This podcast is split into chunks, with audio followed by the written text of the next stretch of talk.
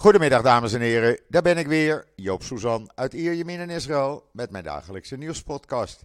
En hij zit weer boordevol. Maar laten we eerst even met het weer beginnen. Uh, ja, uh, de wind is wat afgezwakt, hij is uh, ook naar het zuidoosten gedraaid. blauwe lucht, 18 graden. Ach, het is best te doen, het is best uit te houden. Gisteravond kregen we opeens een enorme plensbui, onaangekondigd. En uh, ja, dat hield na een uurtje weer op of zo. Morgen zouden we nog wat regen krijgen en vrijdag af en toe een buitje. Nou ja, we zien het wel. Uh, het is winter en daar moeten we het mee doen. En dan uh, COVID. Ik schrijf er niet meer over, maar ik noem het nog wel. gisteren op dinsdag 10.853 mensen getest. 9,9% was positief, oftewel 1072 mensen. Uh, er zijn uh, in totaal 10.594 COVID-patiënten in Israël. Daarvan liggen er 157 in het uh, ziekenhuis, ernstig ziek. Waarvan 57 kritiek en 50 van hen weer aangesloten aan beademingsapparatuur. Het aantal doden door COVID is gestegen naar 12.062. En er was er plotseling vanmorgen een artikel in de Times of Israel. Uh, en dat heette A Hell of a Variant. En dat betekent uh, de XBB 1.5 uh, COVID ja, pandemie. Die is in Amerika en die spreidt razendsnel om zich heen. al bijna 45% van de patiënten is besmet met die nieuwe variant. XBB 1.5. En uh, dat gaat zo snel dat men zich in Israël zorgen begint te maken. Want, zeggen ze, er wordt nogal veel uh, heen en weer gereisd tussen Amerika en Israël. En voordat je het weet, is die uh, variant ook in Israël aangekomen. En dan, ja, dan in plaats van gemiddeld duizend gevallen per dag, zal dat een veelvoud worden. Uh, professor uh, Yarif Wijn van de Tel Aviv Universiteit, die zegt dat uh, deze variant is niets, komt helemaal, ja, alle andere varianten, laat ik het zo zeggen, alle andere varianten die we vanaf 2021 hebben gehad, komen hier niet eens bij in de buurt. Het is zo snel om zich heen spreidend dat uh, je kan eigenlijk zeggen, dit is de snelst spreidende variant van COVID tot nu toe. En daarom noemt men dat een hell of a variant. En uh, ja, nogmaals, alle experts hier in Israël van alle universiteiten, die maken een, uh, ja, zich grote zorgen. een super variant. Nou, we gaan het zien. Ik heb er in Nederland nog niks over gehoord, maar hier is het dus wel bekend. Het staat ook in de New England Journal of Medicine. Je kan het dus lezen in de Times of Israel en je voorbereiden. Ik, eh, om heel eerlijk te zijn, als ik een uh, supermarkt inga of een winkelcentrum, wat heel zelden gebeurt, maar af en toe moet dat, dan uh, draag ik wel mijn mondkapje. Dat doe ik dan wel. Ik ga geen risico nemen. Eh, dan de regering Netanyahu heeft een ja, eerst een goed besluit genomen. Dat moet ik ze toegeven. Uh, in januari, 1 januari en de komende twee weken zouden elektra en water verhoogd worden. En de gemeentelijke onroerend goedbelasting en andere belasting zou uh, verhoogd worden. Elektra bijvoorbeeld met 8,2 procent. Dat heeft mij voorlopig eventjes uh, in de koelkast gezet, om het zo maar eens te zeggen. Die worden voorlopig niet verhoogd. Men uh, probeert op die manier de kosten van levensonderhoud iets naar beneden te krijgen. Gemeentebelastingen zouden tussen de 1 en 3 procent uh, stijgen. Water zou uh, met zo'n 3,5 procent stijgen. Nou, ik vind dit een, de eerste goede beslissing die de regering Netanyahu genomen heeft. Ik ben er best blij mee, want de kosten reizen de pan uit, net zoals in Nederland. En je merkt het aan alles trouwens. Uh, en dan hebben soldaten van de IDF gisteren een drug, uh, drugsmokkel verijdeld van zo'n 444.000 euro. Die zagen ze bij de grens met Egypte. En ze zagen hoe men probeerde het Israël in te smokkelen. Men heeft het gepakt en de drugs worden vernietigd. Om even bij de IDF te blijven, het is geen prettig nieuws, maar er zijn 44 soldaten verleden jaar omgekomen. 14 van hen door zelfmoord. Eh, dat zijn er drie meer dan het jaar daarvoor, 2021. Er zijn 17 eh, soldaten omgekomen bij verschillende ongevallen, eh, waaronder drie bij eh, eh, gevechtshandelingen. Twee bij vliegtuigongevallen, één bij een trainingsongeval, zes bij civiele verkeersongevallen, één bij een militair ongeval op de weg en vier andere als uh, door ja, gewoon ongevallen op de basis en tien als gevolg door ziekte. Daarnaast raakten vorig jaar 105, 158 militairen ernstig gewond. Uh, dat is een heel triest bericht. En uh, je kan het lezen trouwens op israelnieuws.nl. Waar je ook kan lezen dat de IDF, en daar kan je zelfs een video zien.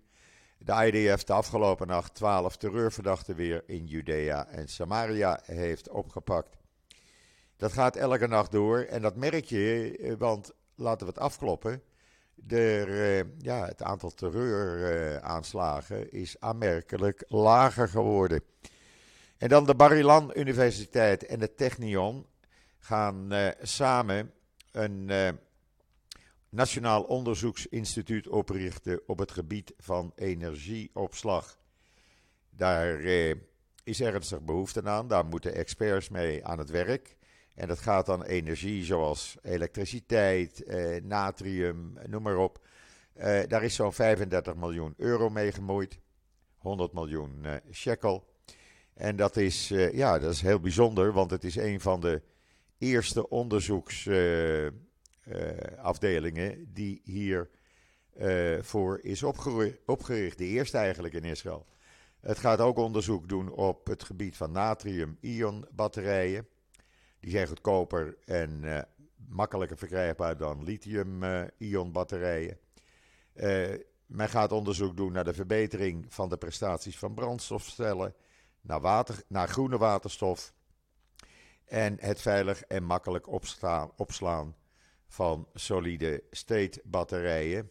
Die zijn vrij van vloeistof en veiliger.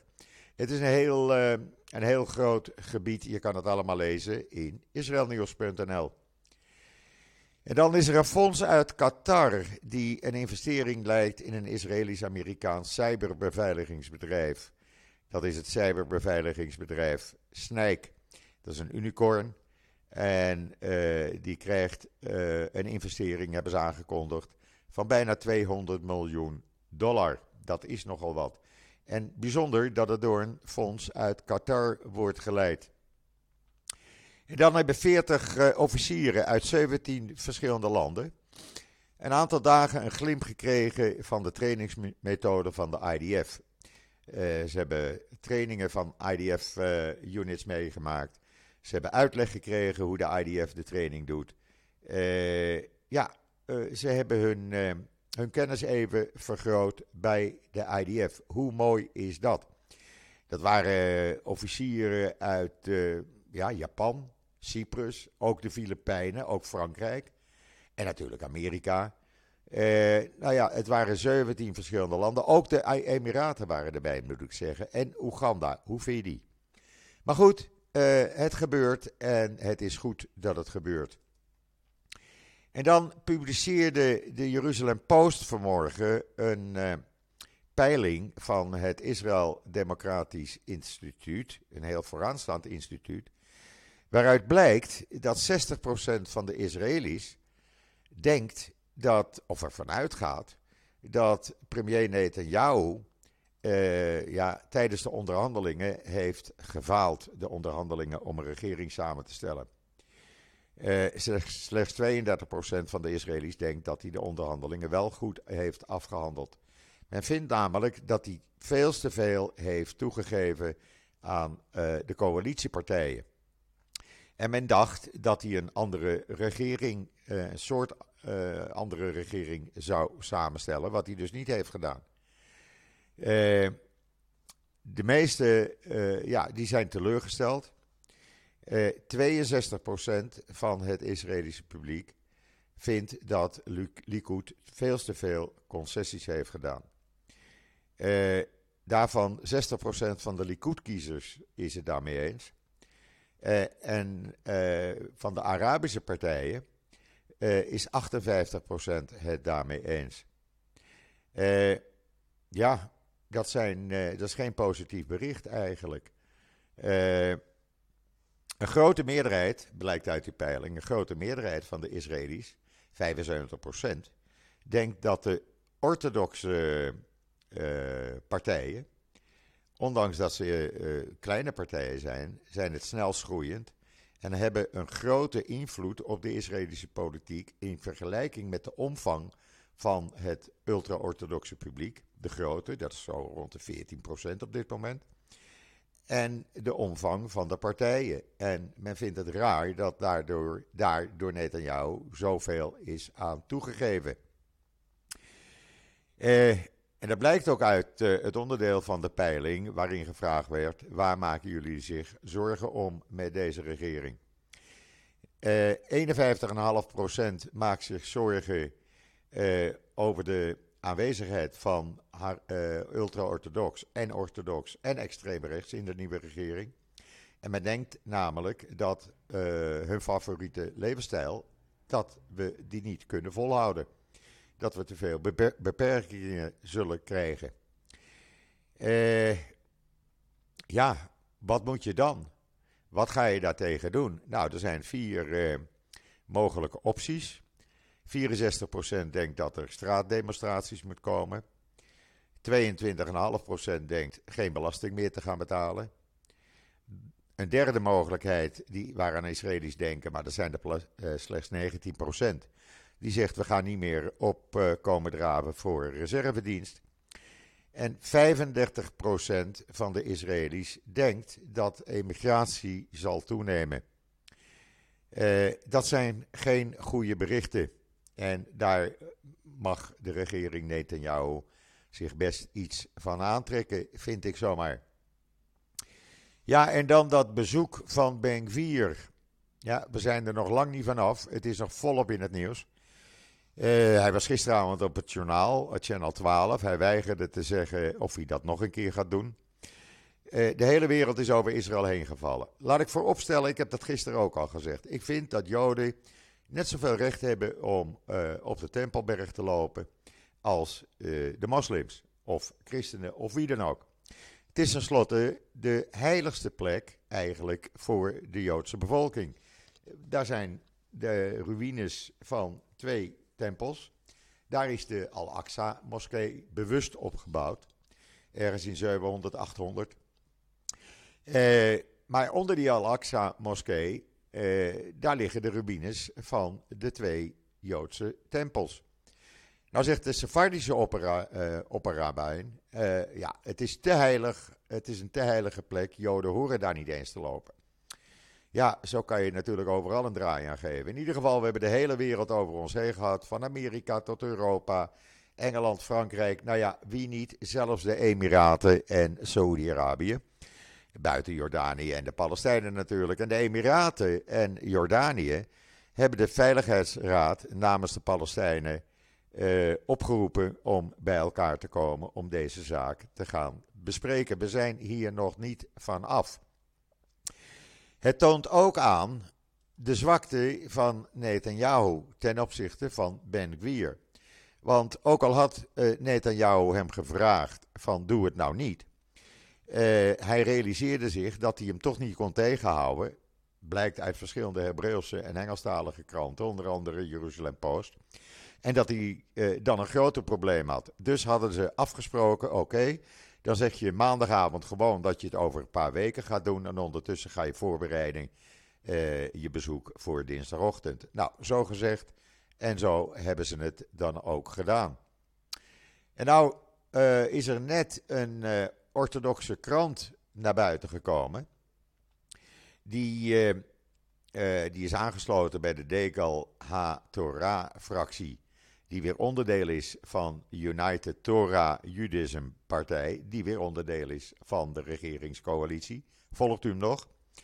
Eh, en die krant, uh, de Yatet Neeman, onder de kop Provocatie op de Tempelberg, wereldwijde veroordelingsblitz, hebben ze een heel artikel waarbij ze eigenlijk in het kort schrijven dat het een onnodige daad was van Ben Een onnodige en gevaarlijke provocatie noemen ze het. Uh, die uh, de levens van Joden onnodig in gevaar brengen. Daar hebben ze natuurlijk ook ergens weer gelijk aan. Gisteravond was er een poging om een raket af te vuren vanuit Gaza. Mislukte, die viel in Gaza in open terrein neer.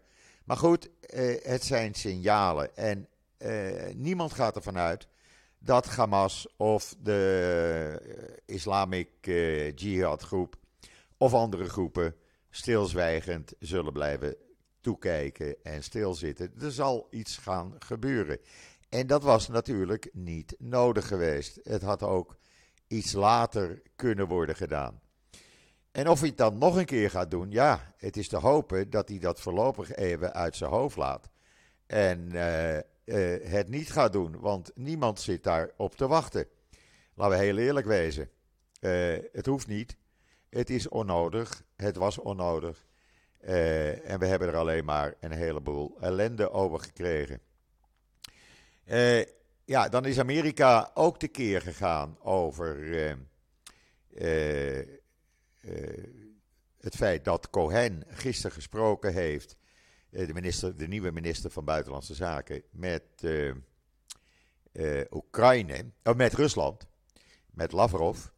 Maar diezelfde Amerikaanse minister Blinken vroeg wel aan meneer Cohen, minister Cohen, van nou, als je hem dan toch aan de lijn hebt, breng even een aantal boodschappen van ons over. Nou, dat heeft Cohen ook gedaan. Dus het is een beetje dubbelzinnig, een beetje hypocriet weer van die Amerikanen.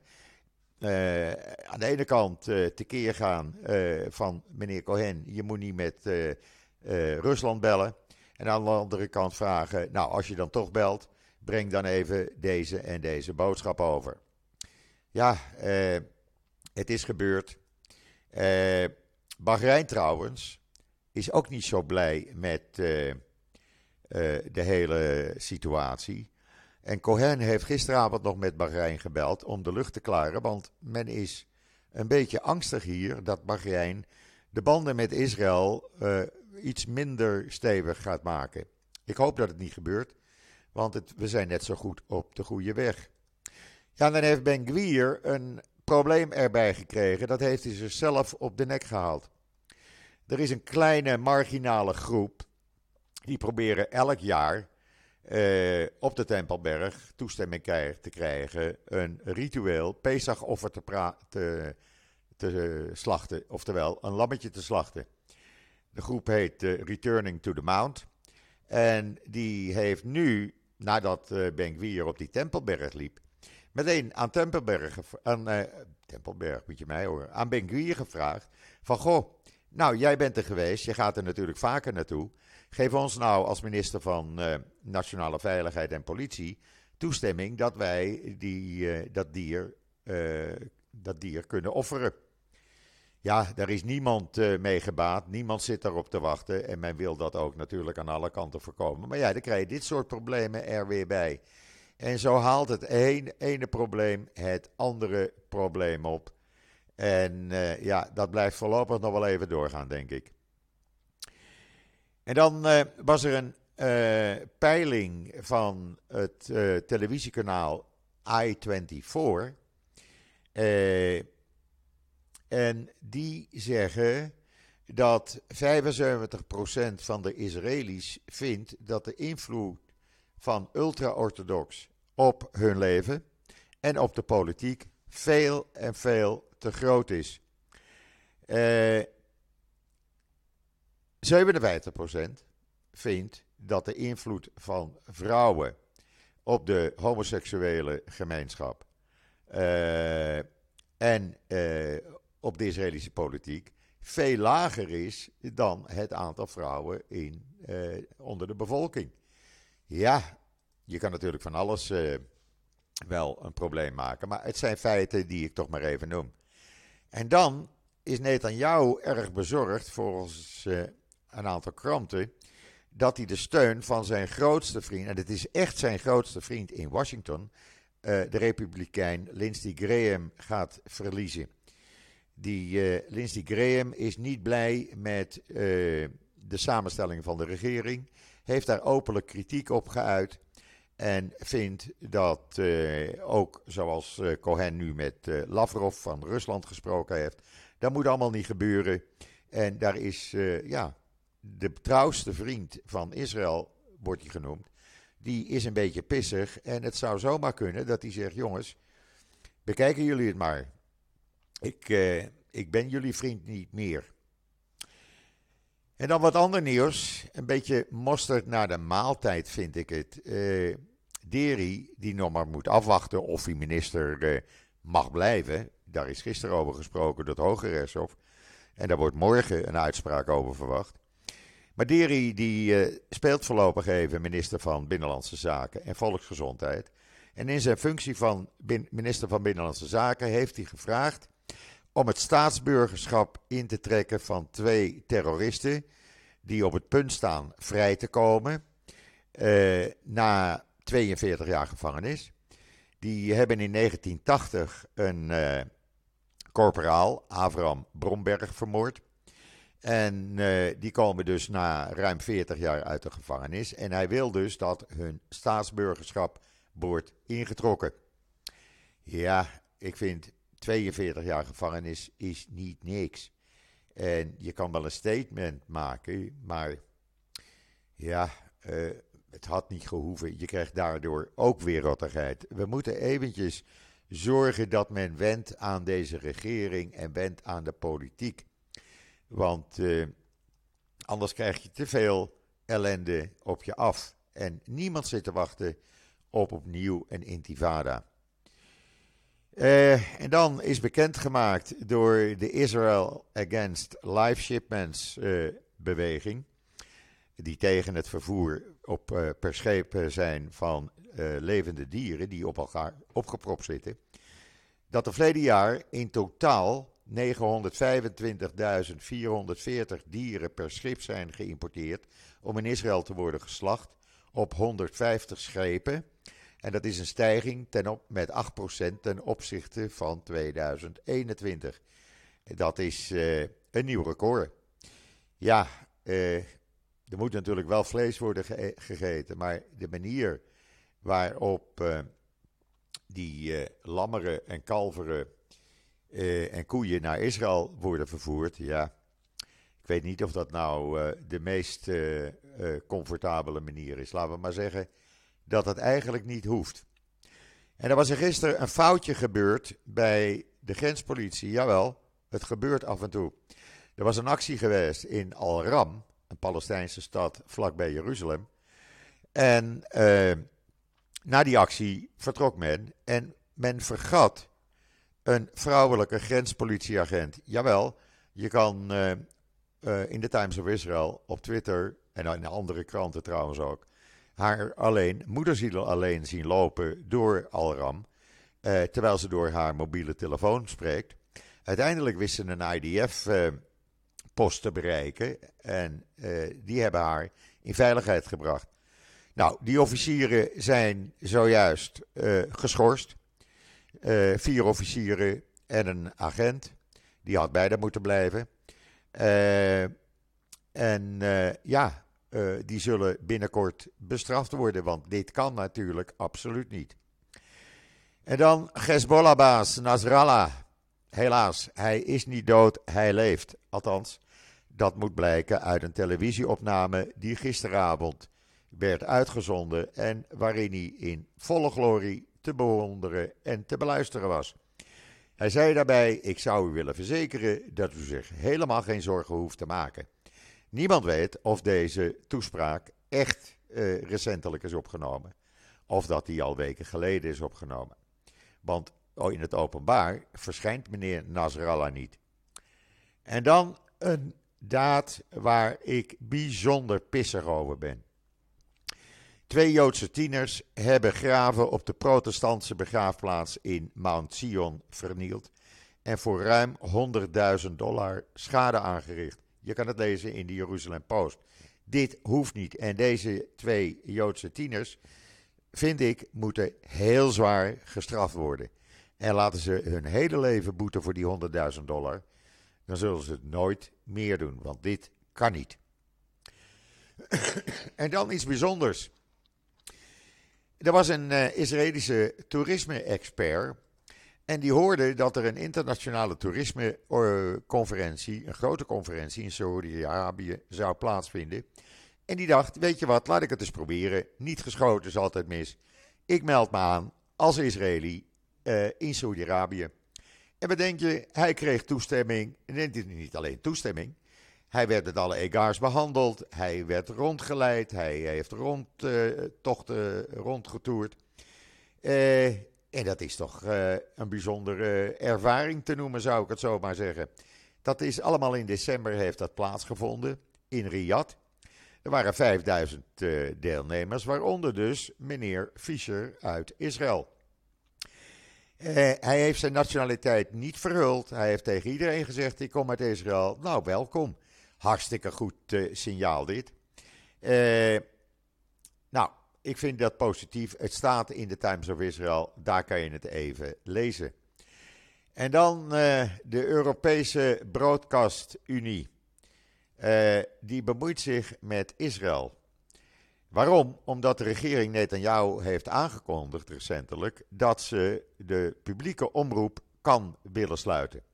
We hebben hier drie omroepen. We hebben de publieke omroep kan, we hebben Channel 12 en we hebben Channel 13. Die zijn allebei commercieel.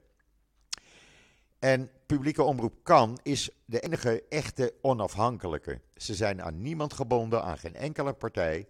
Ga je naar Channel 13, dan zie je dat die uh, behoorlijk op de hand van Netanyahu zijn. Ga je naar Channel 12, dan zie je dat die weer meer pro-Lapid uh, zijn en Gans. En ga je naar Channel 11, kan, die uh, is echt neutraal. Ik heb hem regelmatig aanstaan als ik denk van nou, dit is een beetje te eenzijdig. En dan schakel ik over. En ze hebben nu een brief geschreven, de Europese Broadcast-Unie, waarin ze Netanyahu waarschuwen tegen een dergelijke stap. En erop vertrouwen dat de nieuwe regering ook de onafhankelijkheid van de publieke omroep zal waarborgen. En haar in staat zal stellen haar missie in de democratische samenleving te blijven vervullen. Eh, ik vind dat ze daar juist aan doen. Als we nou alleen maar commerciële zenders hebben en niets meer publiekelijk, ja, dan is de onafhankelijkheid van uh, uh, radio en televisie in Israël gewoon verdwenen. Ja, en dan vanavond voor mensen die in Israël zijn, jullie zijn, of, of, in Israël wonen, jullie zijn welkom. Vanavond om kwart geef ik een uurtje, een, uh, ja, noem het maar een lezing in Bet Juliana, het Joods bejaardentehuis in Herzliya. ik ga er praten over de verhoudingen Nederland-Israël, die behoorlijk aan het verslechteren zijn, en over het stijgende antisemitisme in Nederland. Mensen kunnen ook vragen stellen. Het is de eerste in een reeks van ja, lezingen, ja, zo noem ik het uh, dan maar. Ik ga gewoon een, uh, een beetje uh, kletsen daar en mensen kunnen met mij discussiëren. Heel gezellig. En er zullen er meer volgen op verschillende plekken in Israël. Dus ben je in de buurt, heb je vanavond niks te doen. Denk je, ach, weer dat journaal kijken. Kom gezellig even een uurtje naar Bed Juliana. De koffie en thee staat klaar. En dan morgen. Morgen is mijn vriendin Esther weer in de podcast. Doe ik samen met haar zitten we aan de keukentafel, ga koffies inschenken en gaan Esther en ik weer gezellig uh, praten over wat er allemaal gebeurt in Nederland, in Israël. En Esther zal ook wel zo haar mening hebben over wat er hier gebeurt. Ik ben benieuwd en dan hoor ik ook de meningen vanuit Nederland via Esther. En dan gaan we daar uh, eens even weer een uurtje gezellig over praten. Dus morgen een podcast aan de keukentafel met Esther Voet van het NIW. Dan wens ik iedereen nog een hele fijne voortzetting van deze woensdag, de 4 januari, mensen alweer. Ik ben er morgen weer en zeg zoals altijd: tot ziens, tot morgen.